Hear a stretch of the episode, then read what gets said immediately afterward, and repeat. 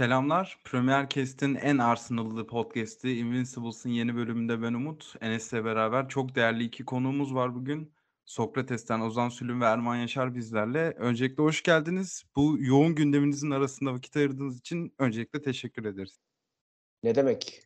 Ne demek? Arsenal konuşmak için her zaman varım ben. Biz teşekkür ederiz. Ee, çok teşekkürler. Ee, dediği gibi Ozan'ın ben Ozan kadar e, Arsenal konuşmuyorum son 3-4 senede. Çünkü o kadar takipte ya o kadar takip etmiyorum demek saçma olacak bir Premier Lig spikeri olarak ama yani 2000'li yıllardaki kadar tutku ve iştahla takip et. Ama yine de Arsenal 5.liğe kadar çıkmışken e, bu programa katılmakta fayda var. Çok e, verimli bir dönemde buluştuk. O zaman madem hepimiz bu, bu kadar hevesliyiz, direkt konularıma geçiyorum.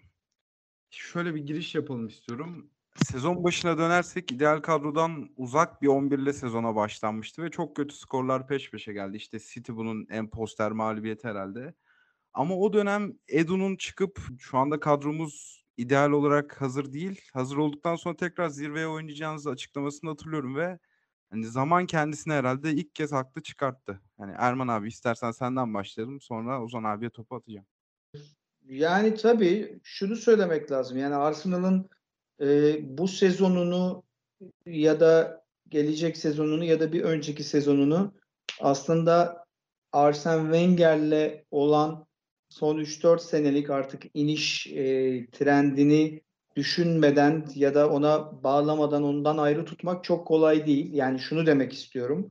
E, kulüp 2000'li yıllara Premier Lig'de damgasını vurmuş. İşte e, benim yaşımdaki ya da Ozan yaşındaki insanların e, futbolla e, ilk ciddi anlamda ilgilendiği dönemde tüm Avrupa'da sadece İngiltere'de değil en keyif veren takımlardan biri olmuş. Bu anlamda da ciddi bir e, seyirci ve e, popülerlik edinmişken kendi iç nedenleri artı dış nedenleri nedeniyle toplamında son 6-7 senede e, başka bir seviyeye, başka bir noktaya gitmiş bir kulüpten bahsediyoruz.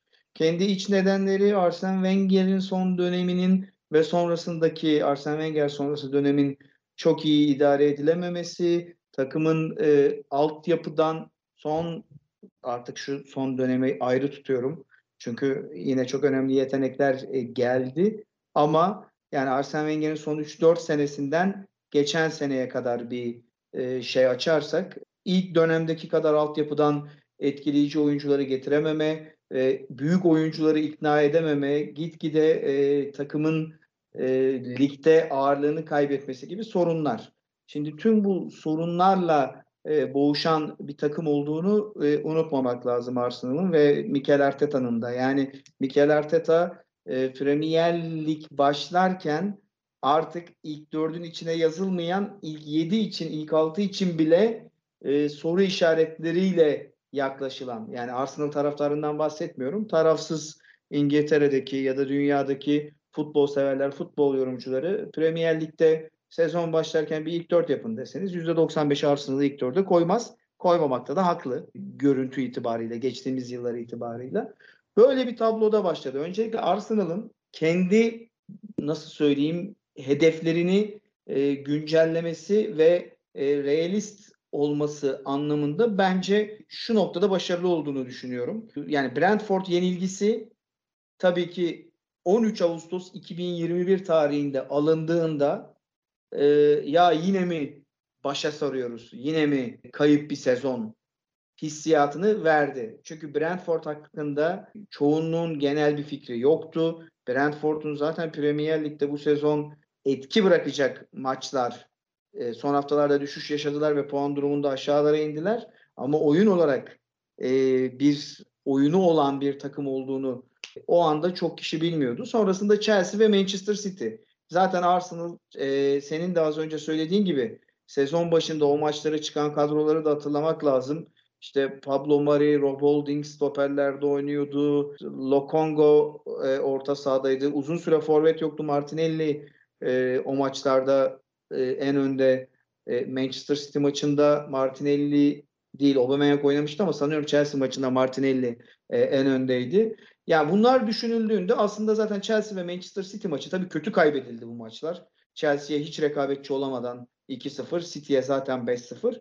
E, kötü kayıplar olması e, can sıkıcıydı. Ama şu anda baktığımızda yani Kasım ayının başında oraya gittiğimizde Arsenal'ın deplasmanda Brentford'a kaybetmesi, City ve Chelsea'ye de yenilmesi üst üste geldiği için yıkıcı duruyor ama ligde serpiştirilse aralara e, çok insanı şaşırtmaz. Ha evet ya yani Brentford deplasmanında kaybedebilir Arsenal. Yani sonuçta Liverpool çok daha organize, çok daha e, güçlü bir takım, çok daha iyi bir kadro Arsenal'a göre. E, onlar da zor kurtuldu Brentford deplasmanından.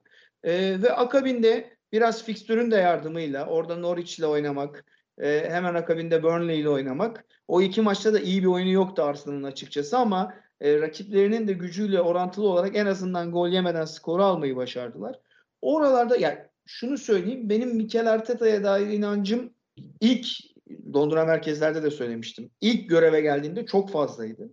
Hem e, akıllı bir orta saha oyuncusuydu. Oyunculuğundan dolayı da beklentilerim vardı ve tabii ki ne olursa olsun dünyanın gelmiş geçmiş en iyi menajerlerinin birinin yanında uzun süre çalışması ve Pep Guardiola'nın sıklıkla Mikel Arteta'nın liderliğine ve oyun aklına e, göndermeler yapması e, ister istemez heyecanlanıyorsunuz. Yani siz kendi Guardiola'nızı yaratabilir misiniz diye. Ha sonrasında beni çok hayal kırıklığına uğrattığı dönemler oldu. 2-3 tane çok iyi Arsenal maçı hatırlıyorum. Skor çok önemli değil. Bu sezona gelene kadardan bahsediyorum. Skor çok önemli değil ama işte geçen seneki bir Manchester maçı birkaç tane maç haricinde Arsenal hiçbir zaman e, çok verimli bir futbol oynarken de gözükmedi benim gözüme. Ama Tottenham maçını ben anlatmıştım. Tottenham maçının ilk yarısıyla başlayan e, Aston Villa Leicester maçlarıyla süren e, ciddi bir ivmelenme, ciddi bir düzelme var takımda. Her şeyden önce Arsenal'ın e, o çok e, rezalet e, dediğimiz savunmasının sadece bireyler olarak da değil, genel takım savunmasının da iyileştiğini görebiliyoruz. Bu anlamda Edu'ya ve ekibine en azından orada e, sağlam durabildikleri için bir tebrik e, gerekiyor ama tabii ki şunu da söylemek lazım. Yani şu anda puan durumunda liderin 6 puan gerisinde, City gibi bir devin 3, Liverpool'un 2 puan gerisinde gözüken bir Arsenal var. Ama e, City ile ve Liverpool'la oyun uzaklığı ya da Chelsea ile oyun uzaklığı bu kadar yakın değil. Her ne kadar e, işleri toparlamış gibi gözükse de bunu da söylemek lazım. Hı hı.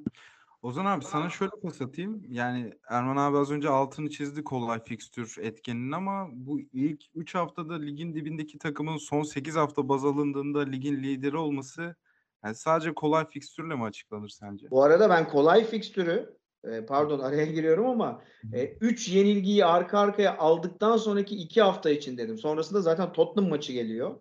E, ve oradan sonra Arsenal'ın fikstürü o kadar kolay değil. Şurada e, yani 3 hafta üst üste kaybettikten sonra içeride oynamayı en çok isteyeceğiniz takım Norwich.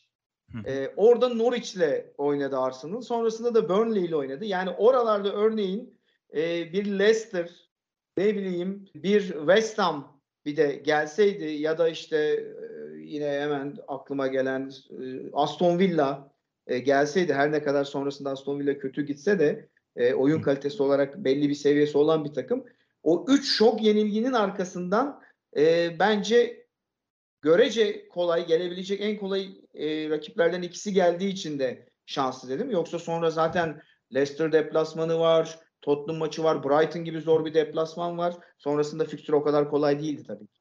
Hı hı. Ama o dediğin gibi Norwich ve Burnley maçları çok ihtiyacı olan bir zamanda geldi. İyi de oldu Aynen. Arsenal'ın toparlanması için. Ozan abi sen nasıl değerlendirirsin Arsenal'ın sezon başındaki durumunu ve gelişimini? Ya sezon başında aslında şeye bakmak lazım. İşte kadrolara bakınca mesela Brentford'da e, Mario oynuyor. White'ın ilk maçı ki White bayağı e, yere çalındı. İşte Martinelli aylar sonra ilk kez 11'de. Üstüne işte Chelsea maçına bakıyorum. E, yine Holding, Murray, Cedric savunmada. En uçta Martinelli oynuyor. Üstüne City maçında bence bu tamamen hani Arteta'ya yazar. Kolasinac stoper oynadı. İşte ne bileyim Cedric, Chambers, Holding ya şu andan çok alakasız adamlar oynadı ve Edu'nun da senin dediğin gibi hani bir dakika şu transferler bir bitsin Eylül'e bir geçelim sonra değerlendirelim dediği doğal. Ama e, mesela bakıyorsun 3'te 0 0 gol. Ligin dibinden son 8 haftada ligin e, son 8 haftalık noktada e, en iyisi olan bir takım. İşte oraya Ramsdale'in girişi, sakatların dönüşü, Gabriel mesela işte White'la beraber acayip bir partnerlik yakaladılar. İşte Lacazette mesela mental olarak toparlandı. Ne bileyim e, orta sahaya parti geri döndü vesaire.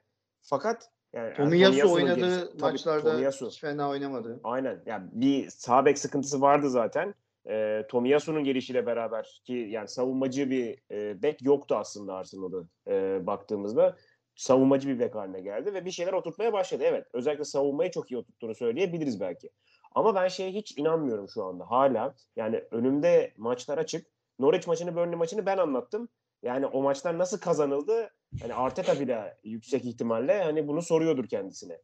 Tottenham maçının bir 45 dakikası var. İlk 45 dakika 3-0 değil de 1-0 bitseydi ben o maçın e, galibiyetle sonuçlanacağını düşünmüyorum.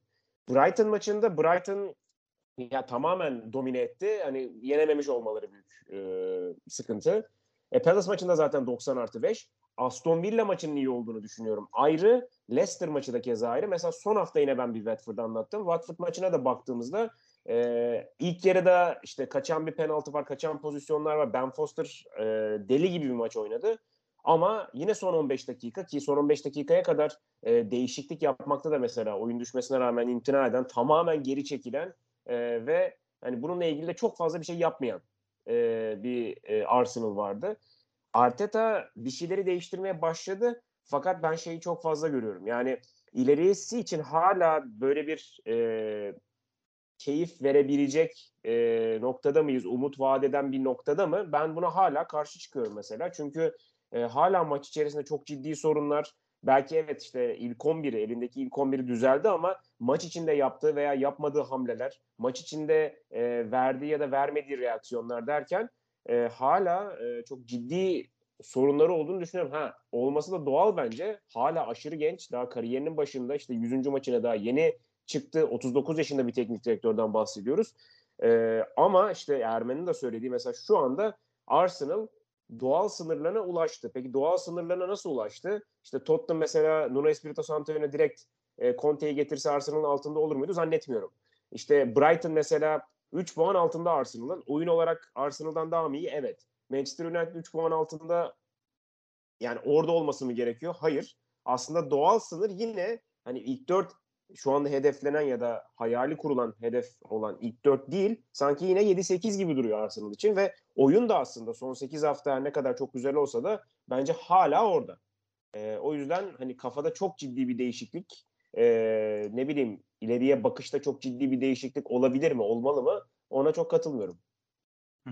Ya ben de katılıyorum ikinize de. Bu 8 haftalık periyottaki en öne çıkan galibiyetler herhalde bir Tottenham maçıdır, bir de Leicester maçıdır.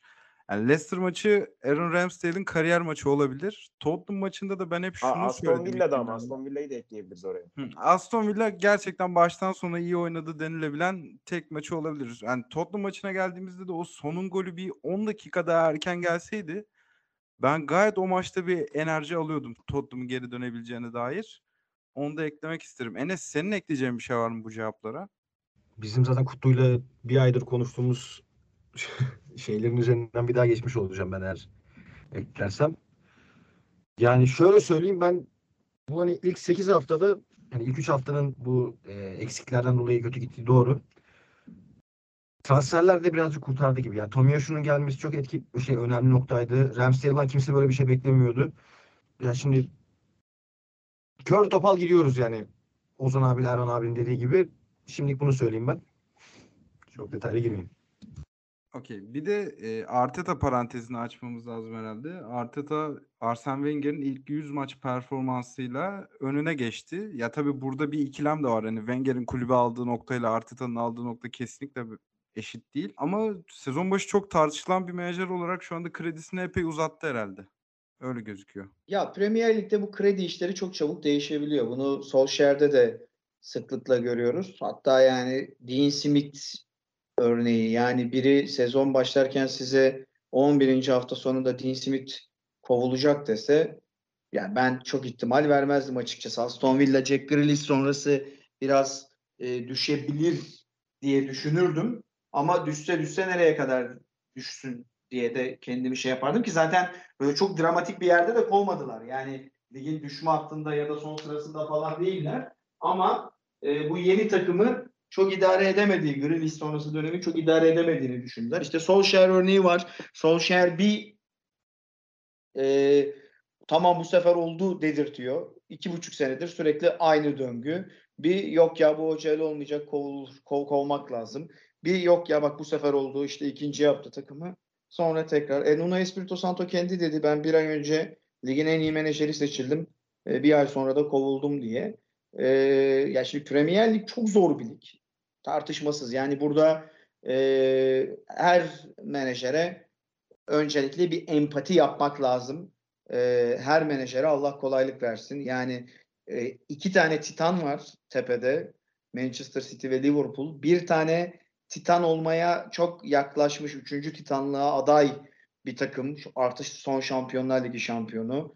E, dünyadaki belki en iyi 5 teknik direktörden 3'ü bu takımların e, başında. Yani hem çok iyi kadrolar hem çok iyi beyinler. Bu beyinlerden iki tanesi çok uzun zamandır da takımın başında. Hadi Thomas Tuchel e, bir seneyi daha yeni dolduruyor ama diğer ikisi 5 senelik e, yani her şeyini, tüm e, yeteneğini, bilimini, ilmini takıma akıtmış, oyuncu geliştirmiş, şunu yapmış takımlar. E, yani zaten 3 basamağın neredeyse ilk tepedeki 3-4 basamağın neredeyse kapalı olduğu ve kendinizi oraya atabilmeniz için çok ekstrem şeyler yapabilmeniz gereken bir ligden bahsediyoruz. Onun dışında da 20 takımdan 17-18 tanesini yani 2-3 tanesini ayırabilirsiniz. İşte Norwich ya gerçekten bu ligin kalitesinde değil diyebilirsiniz. Newcastle'ı oraya koyabilirsiniz. Belki Watford'u e, koyarsınız. Gerçi Ranieri geldikten sonra biraz daha şey gösterdiler ama yani 3-4 tane takıma ya abi bunlar tırt takım diyebilirsiniz. Onun dışındaki her takım e, birçok ligde ilk 5 mücadelesi yapabilecek takımlar. Yani Aston Villa dediğimiz takım 16. sırada. E, acayip bir kadro. Ben çok beğeniyorum. Teker her oyuncusunu neredeyse çok beğeniyorum. Leeds United, Southampton, Leicester City gibi bir kadronun 12. olduğu bir ligden bahsediyoruz. Brighton belki bu demin saydığım takımlar kadar güçlü bir kadrosu yok ki hiç fena bir kadrosu da yok bence ama yani tabii ki bir tık gerisinde demin saydığım Leicester'ın işte atıyorum kafadan Aston Villa'nın, Everton'ın e, ama onlar da e, çok yetenekli bir teknik adamla e, tolere ediyorlar ve onlar da yukarıya çıkmış durumdalar. Yani Mikel Arteta'nın hem iyi bir takıma hem de iyi teknik direktörlüğe ihtiyacı var. İyi bir takımı var mı? Ee, var demek kolay değil. İyi bir teknik direktörlük yapabildi mi şu ana kadar? Bence ona da yaptı demek kolay değil ama şimdi Ozan'ın söylediği şey de doğru. Yani baktığımız zaman e, yani çok usta adamlar var. Yani işte David Moyes, Rafael Benitez, diğer üçlüyü ayırdım zaten. Demin söylediğim gibi onlar zaten titanlar. E, yani işte Ole Gunnar Solskjaer'de Mikel Arteta'ya benzetebileceğiniz bir kariyer. O da yolun başında genç. O da nasıl Arteta Arsenal'ın e, bir figürüyse o da Manu'nun figürü olmuş bir adam ve elinde daha iyi bir kadro var. En azından daha yıldızlı, daha pahalı bir kadro var Arsenal'a göre. E, o da sıkıntı yaşıyor. Yani çok e, zor bir ligde e, mücadele ettiğini hatırlatmak lazım bu adamların. Ben Arsenal'ın eğer ki uzun var yani en azından kısa vadede şu gözükmüyor.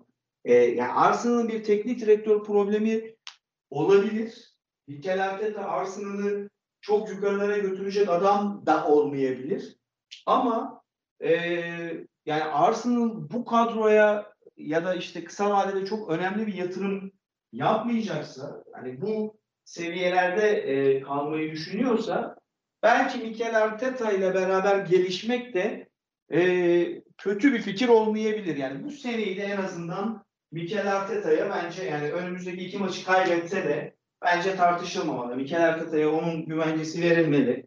Abi biz seninle bu seneyi bir şekilde bitireceğiz. Sana güvenimiz tam. Çünkü şu yani e, mesela Tottenham'ı e, değil Antonio Conte Arsenal'ı alsaydı şampiyonluğa oynatabilir. Tottenham'ı da oynatamayacak zaten şampiyonluğa. O yüzden e, deli gibi transfer istiyor ve onun sözünü aldı. Yani şunu diyorum yani Arsenal gelecek sene 150-200 milyon puan harcayabilecekse 250 milyon puan harcayıp biz tekrardan e, Liverpool'ların, Chelsea'lerin, City'lerin kadro kalitesine yakınlaşacağız e, diyorsa o zaman Mikel Arteta bu kadronun gerisinde kalabilir. Ole Gunnar Solskjaer'in geçen seneki Manu ile bu sene arasındaki Manu e, arasında yaşadığı fark gibi. Ama yani bu kadroya tabii ki ben Antonio Conte'yi isterdim çalıştırsın Arsenal'ı şu anda. Tottenham'ı çalıştıracağına. E, çünkü şeyden daha emin olurdum.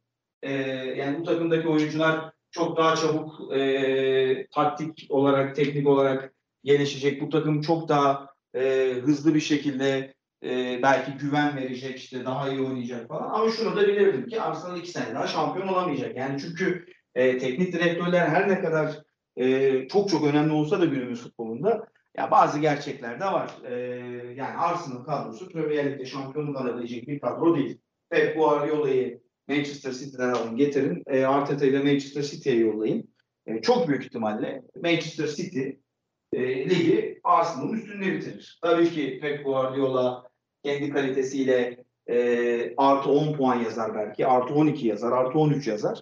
E, ama yani işte anlatmak istediğim şey e, Mikel Arteta'nın da elin üstünde sorunsuz, sorunsuz bir yönetim yok her şeyden önce. Ne olacağı ne edeceği bir türlü belli olmayan bir, bir buçuk senedir e, bir kısmı satılacak mı, yatırım mı yapılacak, şu mu olacak, bu mu olacak e, soruların devam ettiği bir e, tablo var. Artı e, bir de e, dediğim gibi bu seneki transferleri beğeniyorum ben. E, bu seneki kadroyu o yüzden çok şey yapmayacağım. E, şu an bence elinde ilk 4 için olmasa bile ilk 6 için, ilk 7 için yeterli bir kadro olduğunu düşünüyorum. Çünkü Tomiyasu benim zaten çok sevdiğim bir oyuncuydu. E, çok yetenekli bir oyuncu olduğunu da düşünüyorum ve e, Tomiyasu takviyesiyle beraber e, bence Arsenal'ın e, kenar sorunu e, ciddi anlamda çözüldü. Zaten savunmanın toparlanmasında e, Ben White'la beraber onun e, varlığı önemli. Tavares yetenekli bir oyuncu. Doğrudan ilk 11 için olmasa da Ramsdale Leno varken gerek var mı diye düşündüğümüz bir oyuncuydu açıkçası ama net bir şekilde fark yarattı ve güven verdi. Lakonga iyi oyuncu. Emil Smith-Rowe'un gelişimi son 1-1,5 senede e, çok ciddi anlamda yükseldi. Saka zaten e, belli seviyede ve hep iyiye gidiyor. Tüm bunlar düşünüldüğünde bence ilk 6 için yani ilk 4 çok büyük başarı olur ve ben pek zannetmiyorum ilk 4'e sokabileceğini Mikel Arteta'nın bu sezon bu takımı. E, sokarsa zaten e, çok ciddi bir rüşt ispatıdır e, ve o zaman hiç söylenecek bir şey kalmaz. Ama ben 5. veya 6.lık içinde e, ya 5. ile 6.lığa da başarı gözüyle bakarım e, bu sezon Mikel Arteta için. Sanki bunu yapabilirmiş gibi bir hava verdi bana. E, ama tabii bir de Conte eklendi Mikel Arteta'nın sorunlarına. Yani Tottenham'ın e, Nuno Espirito Santo ile devam etmesi Arteta'nın o 5. 6. basamaklar için şansını çok daha arttırırdı. E, bilmiyorum ben en azından bu senenin e, ya dediğim gibi şöyle noktalayayım. Hani bana Mikel Arteta demin de söylediğim gibi bu takımı büyük hedeflerine ulaştıracak teknik adam mı derseniz evet diyemem. Mikel Arteta çok çok büyük bir gelecek vaat ediyor. Çok önemli bir futbol beyni mi? Ee, buna dair çok net bir e, e, çok emin misiniz diye sorarsanız da kesin bir şey diyemem ama bir şeyler gösteriyor gibi de. Ee, o yüzden ben bu senenin Arteta ile bitmesini çok rezalet işler olmadığı sürece ki daha da bu kadar kötüye gideceğini düşünmüyorum bu takımın. Bu sene bence Arteta'ya e, verilmeli. Peki. Peki. Ya Ozan abi sana şöyle pas atacağım. Aslında Manchester United'ın sene başı yaptığı hamlelerle beraber ilk dördü kapalı bir lig izleyeceğimizi düşünüyorduk. En azından kağıt üstünde ama orada yaşanan bir menajer problemi, işte Tottenham'ın Conte ile gidecek çok uzun bir yolunun olması ve Everton'ın da o ivmeyi koruyamaması aslında ilk dört spotunu açtı herhalde Arsenal için. Şu anda en ciddi rakip West Ham United gözüküyor. E tabii ki Manchester United tekrardan kadrosunun vaat ettiği yere gelecektir ama Arsenal için ilk dört ihtimali bayağı heyecan verici olsa gerek. Ve Arteta için de herhalde en büyük başarı bu olur bu sene. Ya öyle tabii ama e, şunu hani hiç unutmamak gerekiyor. 38 maçlık bir ligden ve işte daha Aralık ayının e, yoğunluğunun geleceği bir lig. E, ya bunun dışında işte e, en yorgun olacak dönem hani Mart civarı sonrası zaten hani nefesini yetmeyen yani nefesi yetmeyen takımlar oluyor vesaire. Hani ben e, atıyorum Leicester City şu anda 12. olabilir ama hala Arsenal'dan 5 puan uzakta ve yani uzun vadede baktığında Leicester mı e, daha fazla puan kazanır kalan bölümde Arsenal mı diye sorduğunda bana hala Leicester gibi geliyor. Bana hala Manchester United gibi geliyor. E, mesela hiç bu sezon oralarda olacağını belki düşünmediğimiz hani ilk 10 diye düşündüğümüz bir Brighton var. E, Brighton öyle. Erman'a dediği gibi zaten Tottenham geldi. Dolayısıyla hani ilk 4 hedefini şu anda 11 hafta içerisinde sadece Arsenal 5. sıraya çıktı ve e, 4. sıradan 2 puan uzakta diye tekrar acaba mı diye sormaya başlatacaksak kendimize bu bence sezon içerisinde bir hayal kırıklığına dönüşür. Ben öyle düşünüyorum. Ama tekrar Erman'ın söylediklerinden özetleyecek olursak mesela e, böyle bir sezonun işte Avrupa yok. Yıllar sonra ilk kez Avrupa yok. E, inanılmaz genç bir kadroya dönüldü. inanılmaz bir e, yani yatırım derken şey anlamında demiyorum. Para anlamında değil belki ama inanılmaz bir e, dönüşüm geçiriliyor. İşte mesela daha çıkması gereken çok fazla çöp var bu takımda. Şu anda mesela Ben Leno'nun hani bu kontratla ikinci kaleci olması bir çöplük yani ifade ediyor. Hani Ben Leno gayet iyi bir kaleci ama yani ikinci kaleci bu kadar para almaz. Ki e, finansal olarak sıkıntıya düşebilecek bir takımdan bahsediyoruz. Baktığında işte Cedric biraz çöpe dönüştü. E, ne bileyim Pepe şu anda çöpe düştü. Bir dönüşüm, dönüşümden bahsediyoruz yine. Pablo Mari çok büyük çöp. E, El Neni'nin yerine başka bir oyuncu gelebilir belki. E, onun da gitmesi gerekebilir. Kolasinac işte kiralık olanlara bak. Reis Nelson, e, Torreira falan. Yani bir dönüşüm var. Bir iki senelik bir dönüşüm var. Bu bir iki senelik dönüşümde özellikle de Avrupa yokken Arteta'nın ne verebileceğine bakıp buna göre e, karar vermek bence çok mantıksız bir şey değil. Ama eğer ilk dörde giremediği için işte ne bileyim 5 hafta sonra ilk dörtten 6 puan uzakta olacaksa Arsenal ve taraftar ya işte iyice uzaklaşıyor Şampiyonlar Ligi falan kafasına girecekse ya bu çok büyük bir saçmalık bence. Ki baktığımızda işte önümüzdeki 4 maç e, Liverpool, e, United, Everton deplasman. Yani buradan mesela Arteta sadece içerideki Newcastle maçını kazansa, diğerlerini kaybetse aslında çok garip bir şey değil baktığımızda. Ve Arsenal taraftarının son dönemde en büyük problemlerinden bir tanesi de bu oldu hep. Şey, ilk dörtte olmaya, şampiyonluğa doğru oynamaya çok alışkın bir kulüp olduğu için e, hedeften ya da kafadaki hedeften, idealden uzak kalındığında bir anda siyah oluyor. Ya da işte şimdi mesela Liverpool'dan iki puan uzaktayız. Bir anda bembeyaz oluyor her şey. E, bu kadar hani net bakmak, bu kadar işte sağ sol diye ayırmak, e, ne bileyim e, siyah beyaz diye ayırmak e, bana çok mantıklı gelmiyor.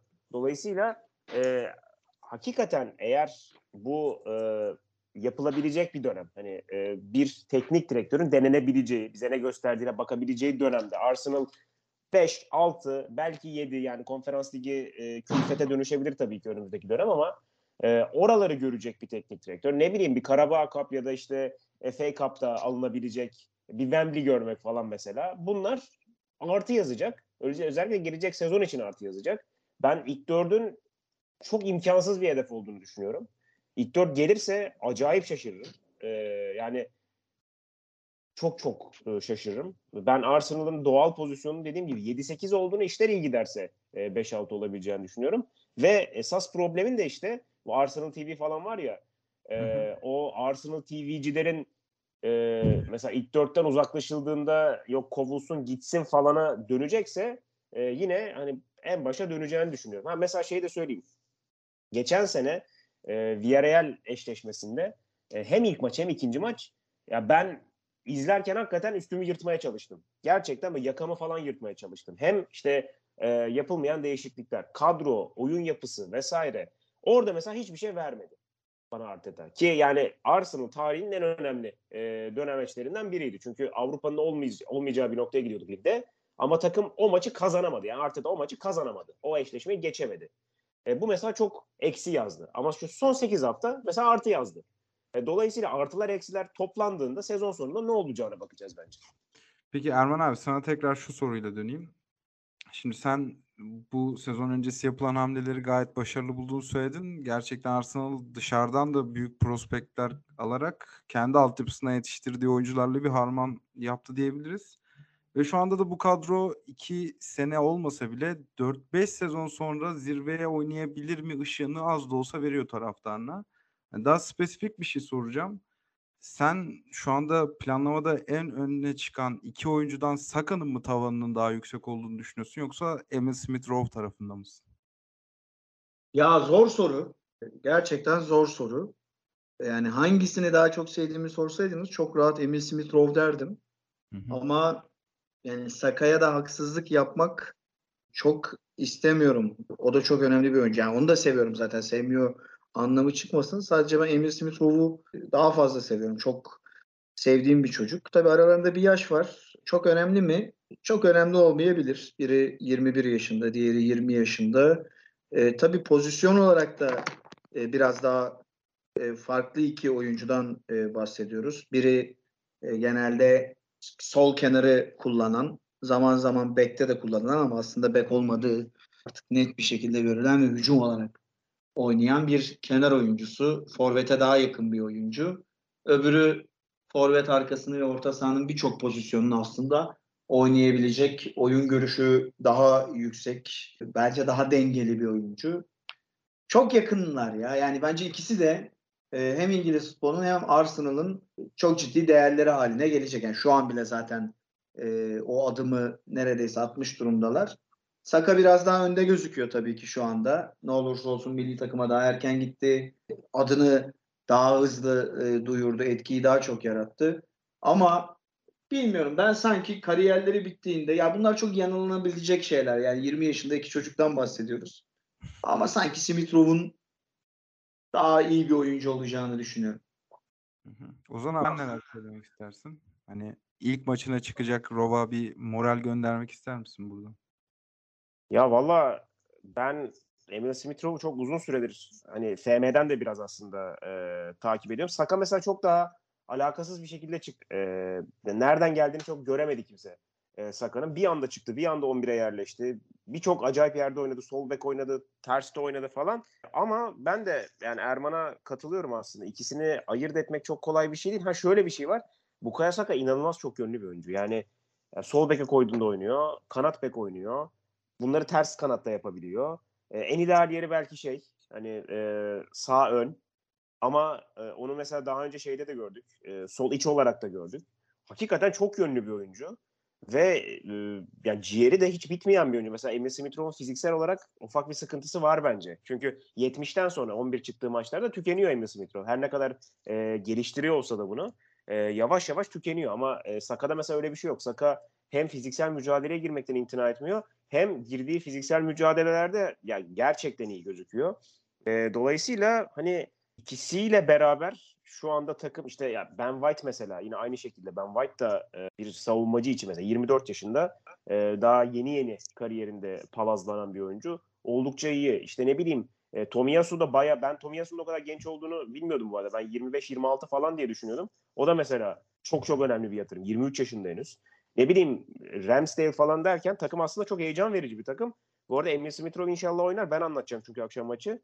Ee, ilk maçını da anlatmak isterim e, Emre Smith kardeşimin. Ama yani şey özetleyecek olursak ben yakalanan hani Nüve'nin çok güzel olduğunu düşünüyorum. Geçen işte maçı anlatırken Watford maçını onu dedim. Yani 25 yaş üstü oyuncunun çok az olduğu 25 yaş altı oyuncuların 39 yaşında bir teknik direktörle çalıştığı ve bunu Premier Lig'de yaptığı yani şey olabilir. İşte Bundesliga'da bakıyorsun e, bir tarafta Bellingham var, diğer tarafta Giovanni Reina var. E, ne bileyim yani altyapıdan e, oyuncular çıkıyor falan. Dortmund böyle takılabiliyor. Dortmund böyle ilk üç çok rahat yapabiliyor. E, ama Premier Lig'de bunu yapmak çok çok zor bir şey. Ve e, Premier Lig'de bunu yapmaya yeltenmek bile e, biraz delilikken e, şu ana kadar olanlar bence iyi. Bunun hani bir yandan keyfini çıkarmak lazım. E, bir yandan illa da baskı olacak. O baskıyı da minimize etmek lazım.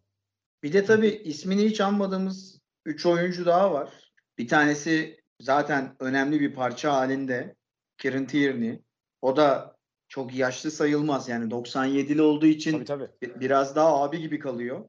Ee, ama 24 yaşında ve e, 8-9 sene İskoçya içinde Tabii İskoçya'da Andrew Robertson'dan dolayı zaman zaman e, farklı şeyler oynayabiliyor. Bazen onu stoper kullanıyorlar. Ama bence Tierney önemli hamle e, önemli oyunculardan biri. Ödegaard'a parantez açmak lazım. Israrla istedi onu Arsenal.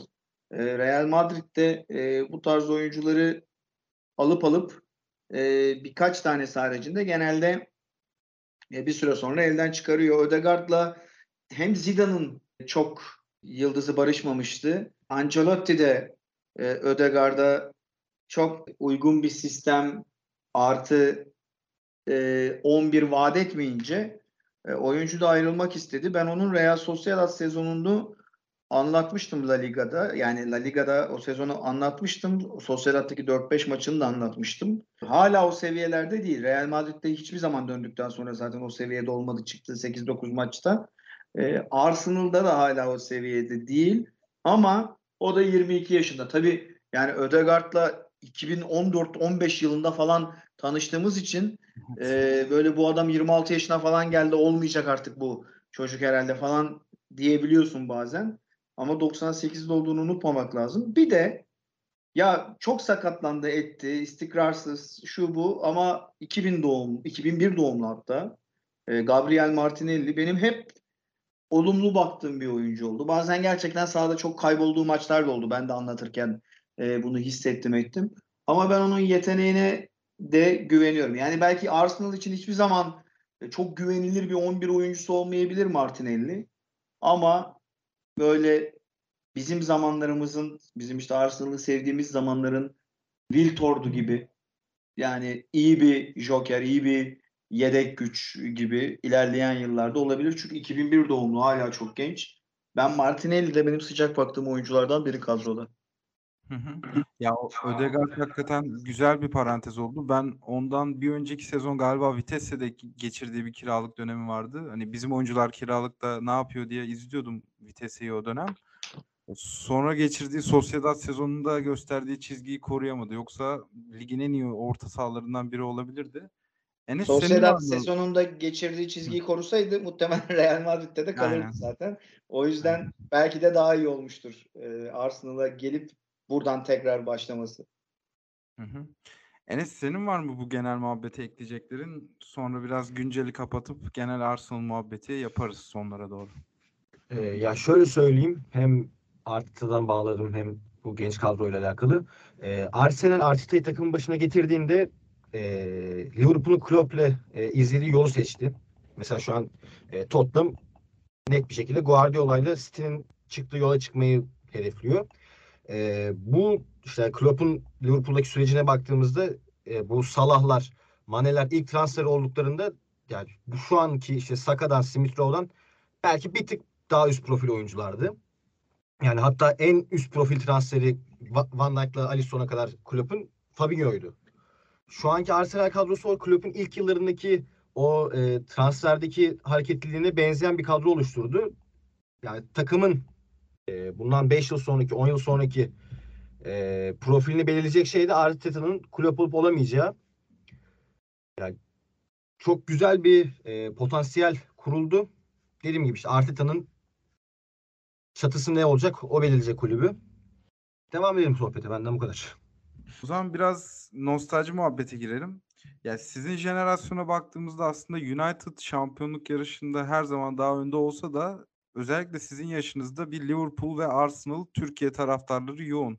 Yani tabii ki o Wenger döneminin ilk yarısına maruz kaldınız. İşte Highbury'ler, tarihin en iyi formaları falan derken aslında bayağı da Arsenal taraftarı var ülkede. Hani sizin hikayeniz nasıl başladı? Ben birçok yerde dinledim ama bir kere de Premier Cast'te dile getirin istiyorum. Erman abi senden başlayabiliriz istersen. Tabii yani aslında Ozan'la benim aramda da neredeyse bir jenerasyona yakın fark var. Yani bir 10 seneyi bir jenerasyon olarak kabul edersek Ozan'la da aramızda tam 10 yaş var. Değil mi? Sen 91'li miydin? 90-90. Ha 9 yaş varmış. Ee, yani işte 10 senelik bir periyot neredeyse.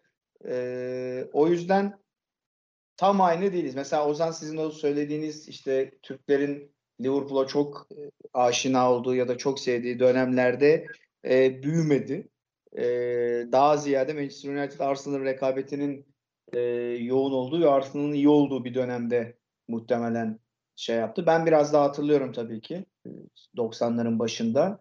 E, ama ben de Liverpool'un daha ziyade e, ben de yani yaşım gereği o çok şaşalı dönemlerini ya da insanları Liverpool'u yapan dönemleri e, hatırlamıyorum. Ben de ilk hatırladığım Liverpool'lar aşağı yukarı işte Robbie Fowler, McManaman, Collymore falan beraber oynadıkları o keyifli takım. Ve tabii çok ciddi bir farklılık vardı. Bunu ben birçok kez söyledim. Ee, yani 2000'lerin başında ya da 90'ların sonunda e, ulaşmak çok kolay değildi. E, bu takımlara, bu liglere. Ben çocukluğumda hem dedemden çok fazla dinlediğim için hem de Avrupa'da futbolda izlerken çok etkilendiğim için Real Madrid'i çok seviyordum. Ve çocukluğumdan beri de o kaldı o Real Madrid taraftarlığım. Hep Real Madrid ne yapıyor, ne ediyor diye e, merak ediyordum ve hafta sonunun gelmesini bekliyordum. Çünkü internet, yabancı gazeteler, dergiler falan takip etmek gibi bir şans olmadığı gibi TRT'den başka bir kanal da yoktu 90'ların başına kadar. E, 90'ların işte ortalarında başında işte Star TV falan filan geldi ve onlar da ilk çıktıklarında herhangi bir yabancı futbol yayını yapmıyorlardı. Sizin Real Madrid'e ya da işte Liverpool'a, Manchester United'a ulaşabileceğiniz tek program Avrupa'dan futbol programıydı. TRT'de 93, 94, 95 civarlarına kadar aslında e, bu iş böyle devam etti. Ben 14-15 yaşındayken yavaş yavaş işte İspanya Ligi TRT'de yayınlanmaya, bir, bir sezon HBB'de yayınlandı. Meşhur e, Brezilyalı Ronaldo'nun Barcelona'ya gittiği sezon hatırlarım HBB diye bir kanal vardı. E, diğer kanallar ufak ufak yatırım yapmaya başladılar.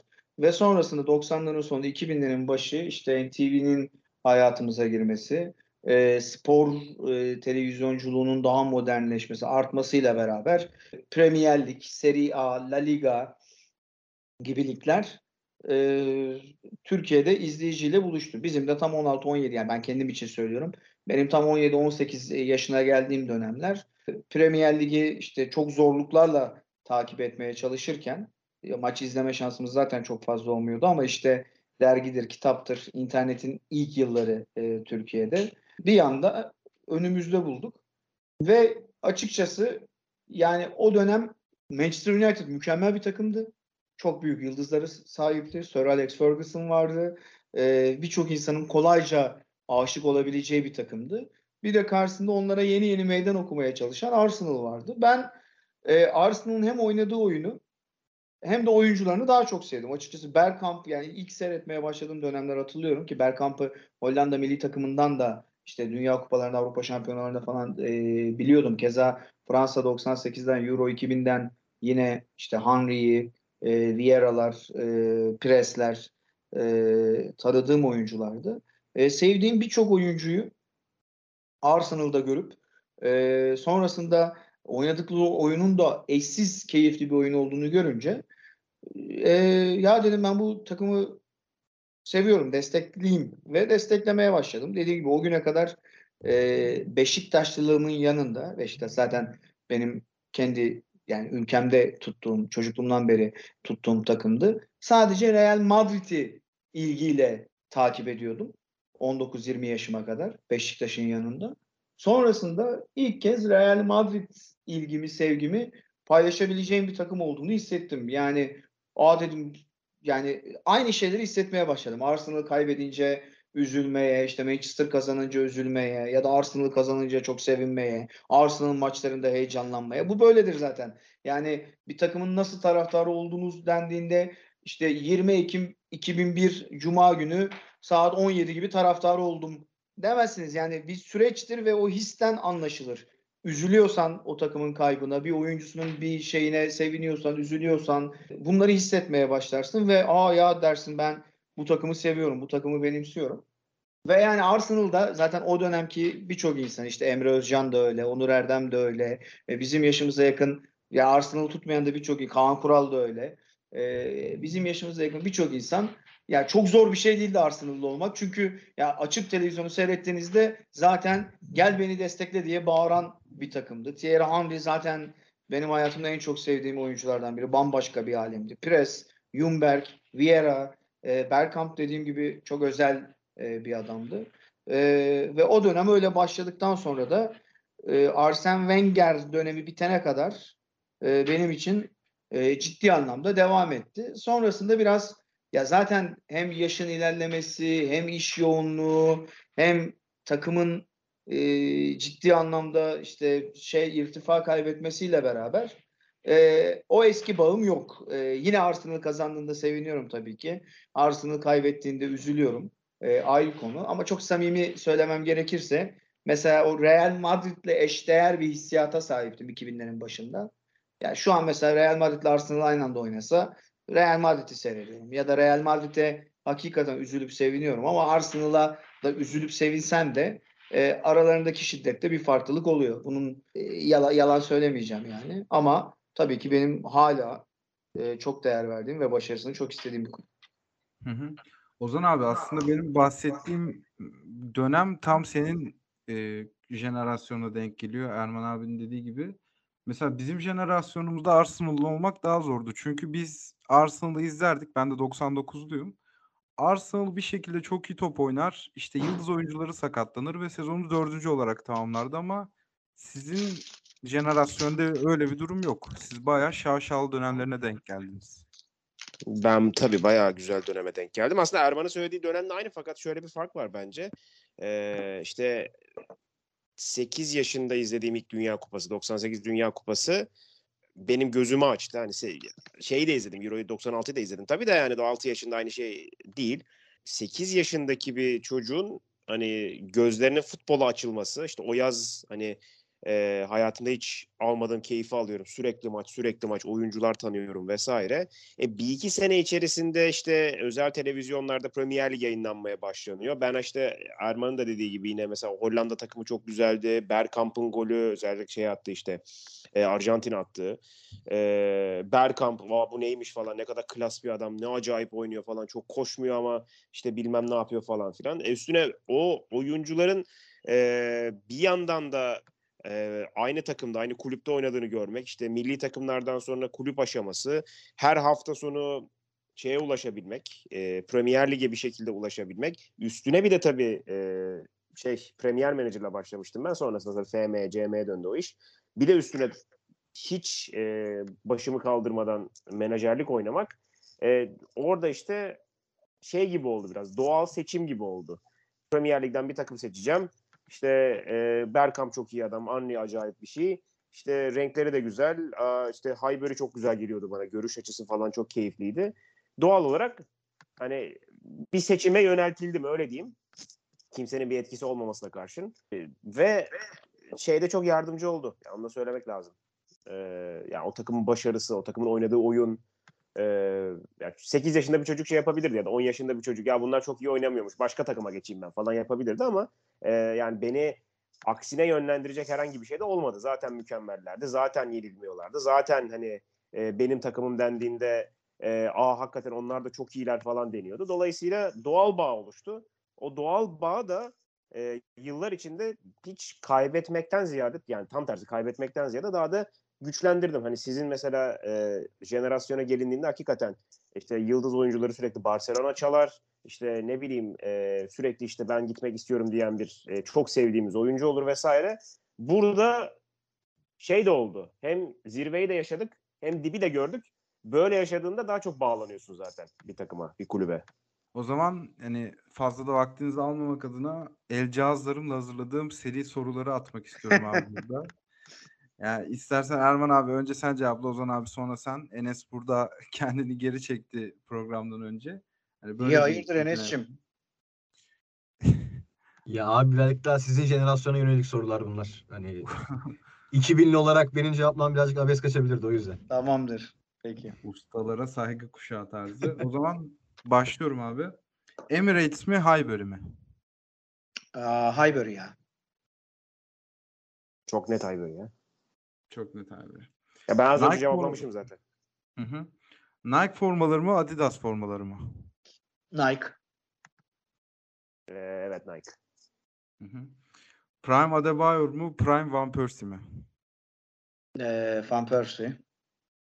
Ha, onun Ee, prime'ını bir sene izledik Arsenal'da. Manchester Aynen. United'a nasip oldu daha çok ama e, ben yani Arsenal ya da Manchester United olarak değil iki oyuncu olarak ele alıyorum burada sadece. Yani soruyu o şekilde mi soruyorsunuz? Arsenal'daki prime Adebayor Arsenal'deki prime Van Persie mi yoksa kariyerleri anlamında oyuncu ya bence daha iyi oyuncu Robin Van Persie. Prime'ıyla da e, tamamıyla da ama hani Arsenal'e de 4-5 sene sakatlıklardan sonra sadece bir tam düzgün sezon verip Manu'ya gitmiş bir adam. Onu da söylemek lazım. Ha Adebayor da e, yarım sağa koşup taraftarın önünde kaymış bir adam. O yüzden ben yine. Onu- Ona gündeme getireceğim abi merak etme onu es geçmiş değilim. Bu sorunun da detayını sen gündeme getirmeden önce hiç düşünmediğimi fark ettim ama Arsenal dönemleri olsun o zaman. Ya ben de şey ikisini de sevmem. Fakat Erman'ın söylediği o detay e, esas benim Adebayor'dan nefret ettiğim şey vardır. E, bir Liverpool maçı e, Şampiyonlar Ligi yanlış hatırlamıyorsam. Walcott e, bizim e, korner kullanıyorlar onlar. E, Liverpool korner kullanırken yayda topu alıyor. 6 kişiyi falan çalımlayıp bomboş kaleye vurması için Adebayor'a bırakıyor. Adebayor golü atıyor.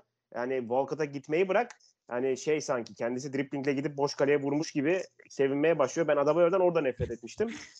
O koşması ayrı rezillik zaten. Hiç sevmem. O yüzden Van Persie. O zaman hani koşma bu kadar madem gündeme geldi. Saygısızlık bakımından Adebayor'un bütün sahayı koşup Arsenal taraftarının önünde kayması mı yoksa Koscielny'nin Bordeaux transferini açıklarken Arsenal formasını çıkarması mı? Ee, ben ilkini daha saygısızca yani ya şöyle aslında yani tabii buna taraftar açısından taraftar gözüyle bakıyoruz. Taraftar gözüyle bakınca bence ilki daha saygısızca gibi geliyor. Ama Adebayor tarafından bakarsan da e, ya mesela geçtiğimiz günlerde de Hakan benzer bir hareket yaptı. O da Milan'dan problemle ayrıldı. İşte penaltıyı attıktan sonra tüm Milan tribünlerine dönüp işte kulaklarını elini kulaklarına götürüp duyamıyorum sizi gibi hareketler yaptı. Yani Adebayor'un yaptığı hareket bir ilk bir hareket değil aslında. Yani kulüplerinden problemle ayrılıp oraya deplasmana giden e, oyuncular ya da deplasman da önemli değil. Yani o takımla tekrar karşılaşan oyuncular rakip tribünle arada sırada itişebilirler. E, Bu anlamda Koscielny'nin yaptığı hımbıllık bence daha eşsiz bir hımbıllıktı. Ama Adebayor'un da yani o kadar kasıp şey yapmasından dolayı ben yine Adebayor'u alıyorum ya. Hı hı. Ozan abi sen? Ya ben Adebayor'dan bekliyordum dediğim gibi yani çok e, kötü bir karakter olduğunu bildiğim için Adebayor'dan öyle bir şey beklerdim ve şaşırmadım. Sadece sinirlendim ama e, takım kaptanından böyle bir şey e, görmek e, yani kontratının bitmesine bir yıl var. Takımın kaptanı şeye gitmeyi reddediyor. ABD'ye gitmeyi, kampa gitmeyi reddediyor. Bordo'ya gitmek için uğraşıp bir de öyle saçma sapan bir hareket yapıyor. Hiç beklemiyordum ben. Hiç beklemiyordum. Saf kötü insanlık. Yani Hmm. hakikaten kötü bir kötü bir olay yani. Çok kötü bir. Bir de çok çok manasızdı Koscielny'nin yaptığı. Hani Adebayor'u bir konjektüre oturtabiliyorsun da Koscielny çok alakasızdı yani. Aynen. Ben hiç memnun olmadığını falan bilmiyordum yani Koscielny'nin. O zaman Bir daha son fazla saniye gerilmeyin. geçelim. Bu podcast yayınlandığında son saniye olmaktan çok çıkmış olacak ama Thomas Tuchel Ekim ayının teknik adamı seçildi Premier Lig'de. Tebrik ediyoruz hocayı. Arteta'nın hakkı yenmiştir diye ekleyelim hemen. Ee, geçiyorum abi. Nasri'nin kulüpten ayrılışı mı daha çok üzmüştü sizi? Fabregas'ın ayrılışı mı? Ee, Fabregas. Net. Net Fabregas. Hı hı. Ben Pepe Reyna'ydı formayı giydiren otobüste yanlış hatırlamıyorsam. Ben Pepe Reyna'dan da nefret ederim o olaydan dolayı. Evet. Kutlamalar sırasında değil mi? Doğru Aynen, hatırlıyorum. Ben çünkü aynen. 10 yaşındaydım. Barcelonalı oyuncular da Aynen. yine gerçek kötüler gibi etrafını sarmışlardı. Ben zaten Real Madrid'de olduğum için ekstra bir şey söylememe gerek kalmamıştı o dönem. Zaten söylüyordum kendilerine söyleyeceklerimi. Şer Çok şey- odakları. Değişmedi. Peki hayal kırıklığı konusunda Theo Walcott mı Jack Wilshere mi? Aa çok iyi soru. Aa, ya Bu- şöyle söyle sen istiyorsan Ozan. Walcott ya. Şöyle. Walcott'ın inanılmaz birkaç şeyi var. Yani bir iki böyle hani bir buçuk sezonu falan var. Ve o bir, bir buçuk sezon mesela şeyden bahsetmiştim ya o asistinden bahsetmiştim. Mesela o asistinde eee, kaç yılıydı hatırlamıyorum. Eee, hakikaten çok acayip bir sezondu. 12-13 olabilir tam hatırlamıyorum. İnanılmaz bir Abi, sezon. Aşırı genç. Şöyle zaten. 11-12'de bir Şubat ayı var Walcott'ın. Newcastle'a düşe kalka attığı gol. O Hı, dönem bir evet. çıldırmıştı. Benim küçüklükten hatırladığım o sezonlu bahsediyorsun sanırım. Olabilir. Sonra tabii ki sakatlandı. Sonra üstüne sakatlandı. Yani sakatlandığı için kimse bir şey diyemez. Müzmin sakat haline geldi falan vesaire. Sonra bir dirildi. Yine bir e, 16-17'de dirildi. E, o şey hani e, kontrat sezonu. Kontrat çok fazla şey olmuştu. E, sıkıntısı çıkmıştı ortaya. O sezonda mesela dirildi. Aa dedim tamam artık olacak falan filan. Yani oldu olmadı oldu olmadı gidip geldiği için bayağı da sevdiğim bir oyuncuydu benim. E, ama olmadı. Ya ben Wilshere'i çok zaten şey olarak sevmemiştim. Oyuncu, futbolcu olarak sevmemiştim. Karakter olarak severdim kulübün içerisinde. Fakat oyuncu olarak çok fazla ısınamamıştım. Ee, ya zaten o da müzmin sakat. İkisi de aslında aynı olay diyebiliriz. Walcott diyeyim. Benim de tam tersi. Ee, ben de Walcott'a hiç bir zaman çok böyle ısınamadım. Ee, tabii ki yetenekli bir oyuncu. Tabii ki e, çok heyecan verici özellikleri, farklı özellikleri vardı. Ama e, Prime'ı da yani e, büyük bir hayal kırıklığı olmasaydı, çok çok iyi bir oyuncu olsaydı da bence Wilshere'in vaat ettiği ya da Wilshere'in e, gösterdiği seviyenin biraz daha altındaydı gibi. Ben e, 2011, 2010, 2012 falan hala tweetlerimde duruyordur. Yani e, ölüyorum Jack Wilshere için E, ve o yüzden hayal kırıklığım çok büyük.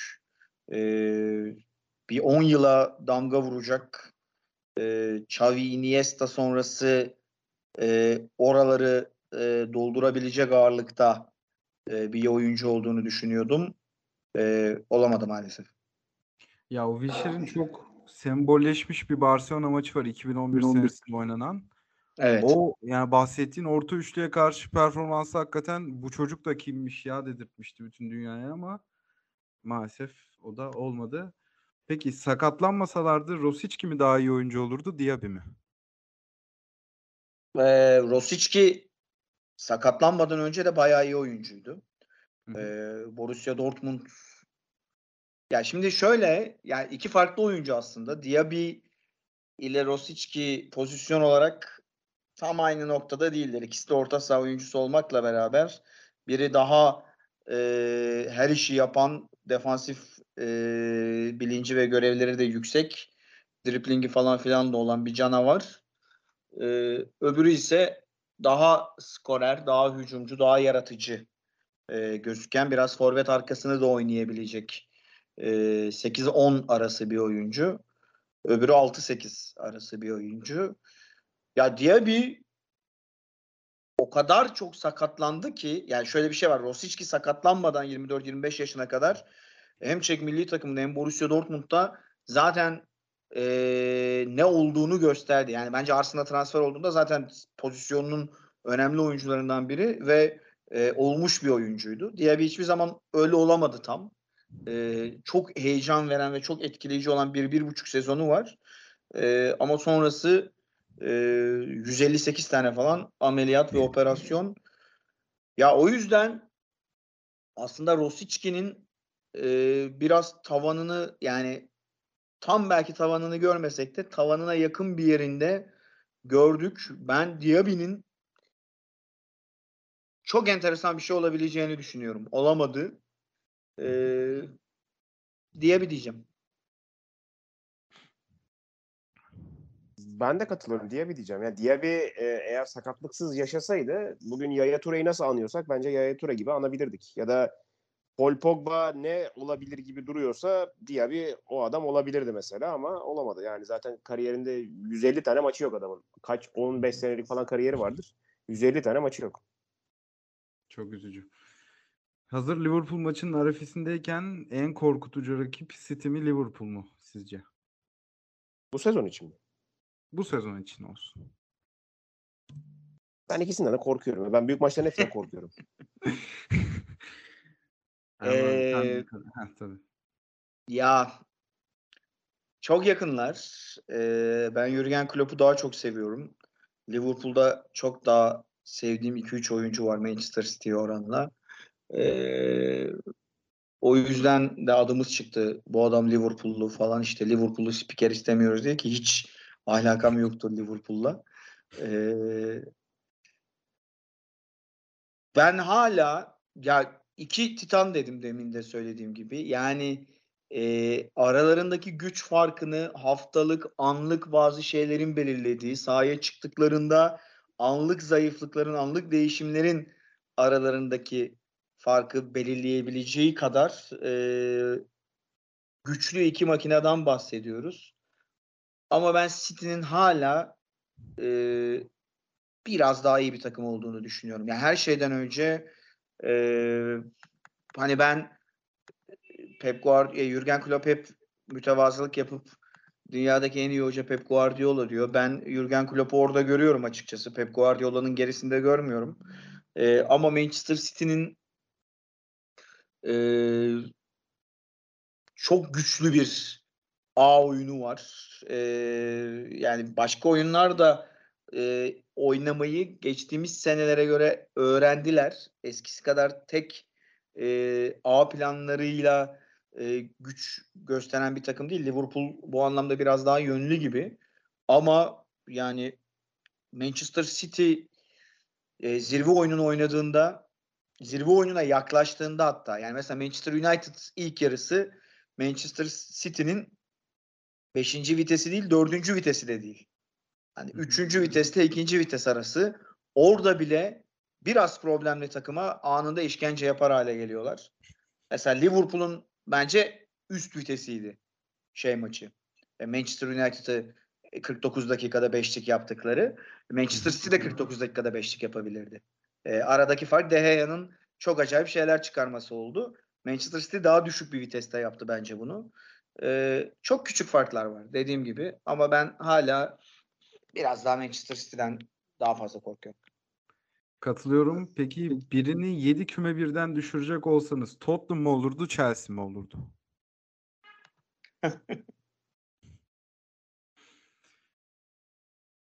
Ozan Bıraktım Ben- bombayı ortaya. Ee, ya yok ben büyüklerden birini düşürmem ya. Benim sevmediğim yani özel olarak sevmediğim birkaç tane takım var. Ee, şeyde İngiltere'de değil yani Premier Lig'de oynamış e, takımlar arasında. Ben mesela Stoke e, çok çektirdi. Hiç sevmem. E, baya baya sevmem yani. E, farklı sebeplerden dolayı Swansea'yi e, sevmem. Çünkü Swansea'nin ev sahipliği yaptığı maçları izleyemiyorum. Yani ıslak, yağmur, kötü gözüküyor. Çok kötü. Evet. Ee, onun dışında ya büyüklerden Tottenham hani şimdi Tottenham düşsün ya keyfi olmaz benim için. E, ligin keyfi olmaz. Mutlaka o şeyleri bir görmek isterim yani. Ne bileyim ee, daha ziyade kulüpten ziyade böyle teknik adam kulüp birlikteliklerini düşürmek isterim. Stoke'u mesela ondan dolayı söyledim. Tony Pulis işte Hı hı. olmasın Premier Lig'e gelmesin gibi. Ee, mesela şey de öyleydi eskiden. Ee, mesela o bizim e, hangi sezondu ya? Burnley'de oynadığımız son dakikalarda dönen e, hepsinin delirdiği bir e, maç vardı. 3-2 falan bitmişti yanlış hatırlamıyorsam. Burnley Arsenal Burnley maçı. E, orada mesela Burnley'den ve Dyche'den inanılmaz nefret etmiştim böyle. Çok feci nefret etmiştim. Onlar da düşsün isterdim mesela. Şu anda öyle bir isteğim yok. Ama dediğim gibi yani Tony Pulis'in çalıştırdığı takımlar, e, Burnley'imsi takımlar. E, mesela şeyden nefret ederdim. E, Fraser Forster e, ne zaman Southampton gelse hayvan gibi top çıkarıyordu. Ondan nefret ederim. E, öyle öyle nefretlerim var. Benim şey kulüp nefretim yok yani. Yani Ya benim kulüp nefretim de şöyle var. Hı hı. Ee, yani ben Real Madridliyim, Barcelona'dan nefret etmeliyim. Ben işte Galatasaraylıyım, Fenerbahçe'den nefret etmeliyim gibi bir nefret Premier Lig'de bende olmadı. Yani şu an zaten demin de söylediğim gibi e, Arsenal'la olan yani böyle inanılmaz gümbür gümbür bir Arsenal'lı değilim ama 2000'lerde bu takımı çok seviyorken, galibiyetiyle seviniyor, mağlubiyetiyle çok üzülüyorken bile he o zaman Tottenham bu kadar iyi değildi. Belki o yüzden yani Tottenham'da çok güçlü olsaydı belki öyle bir şey geliştirirdim. Ya Tottenham zaten çok rakibi değildi Arsenal'ın o dönemler.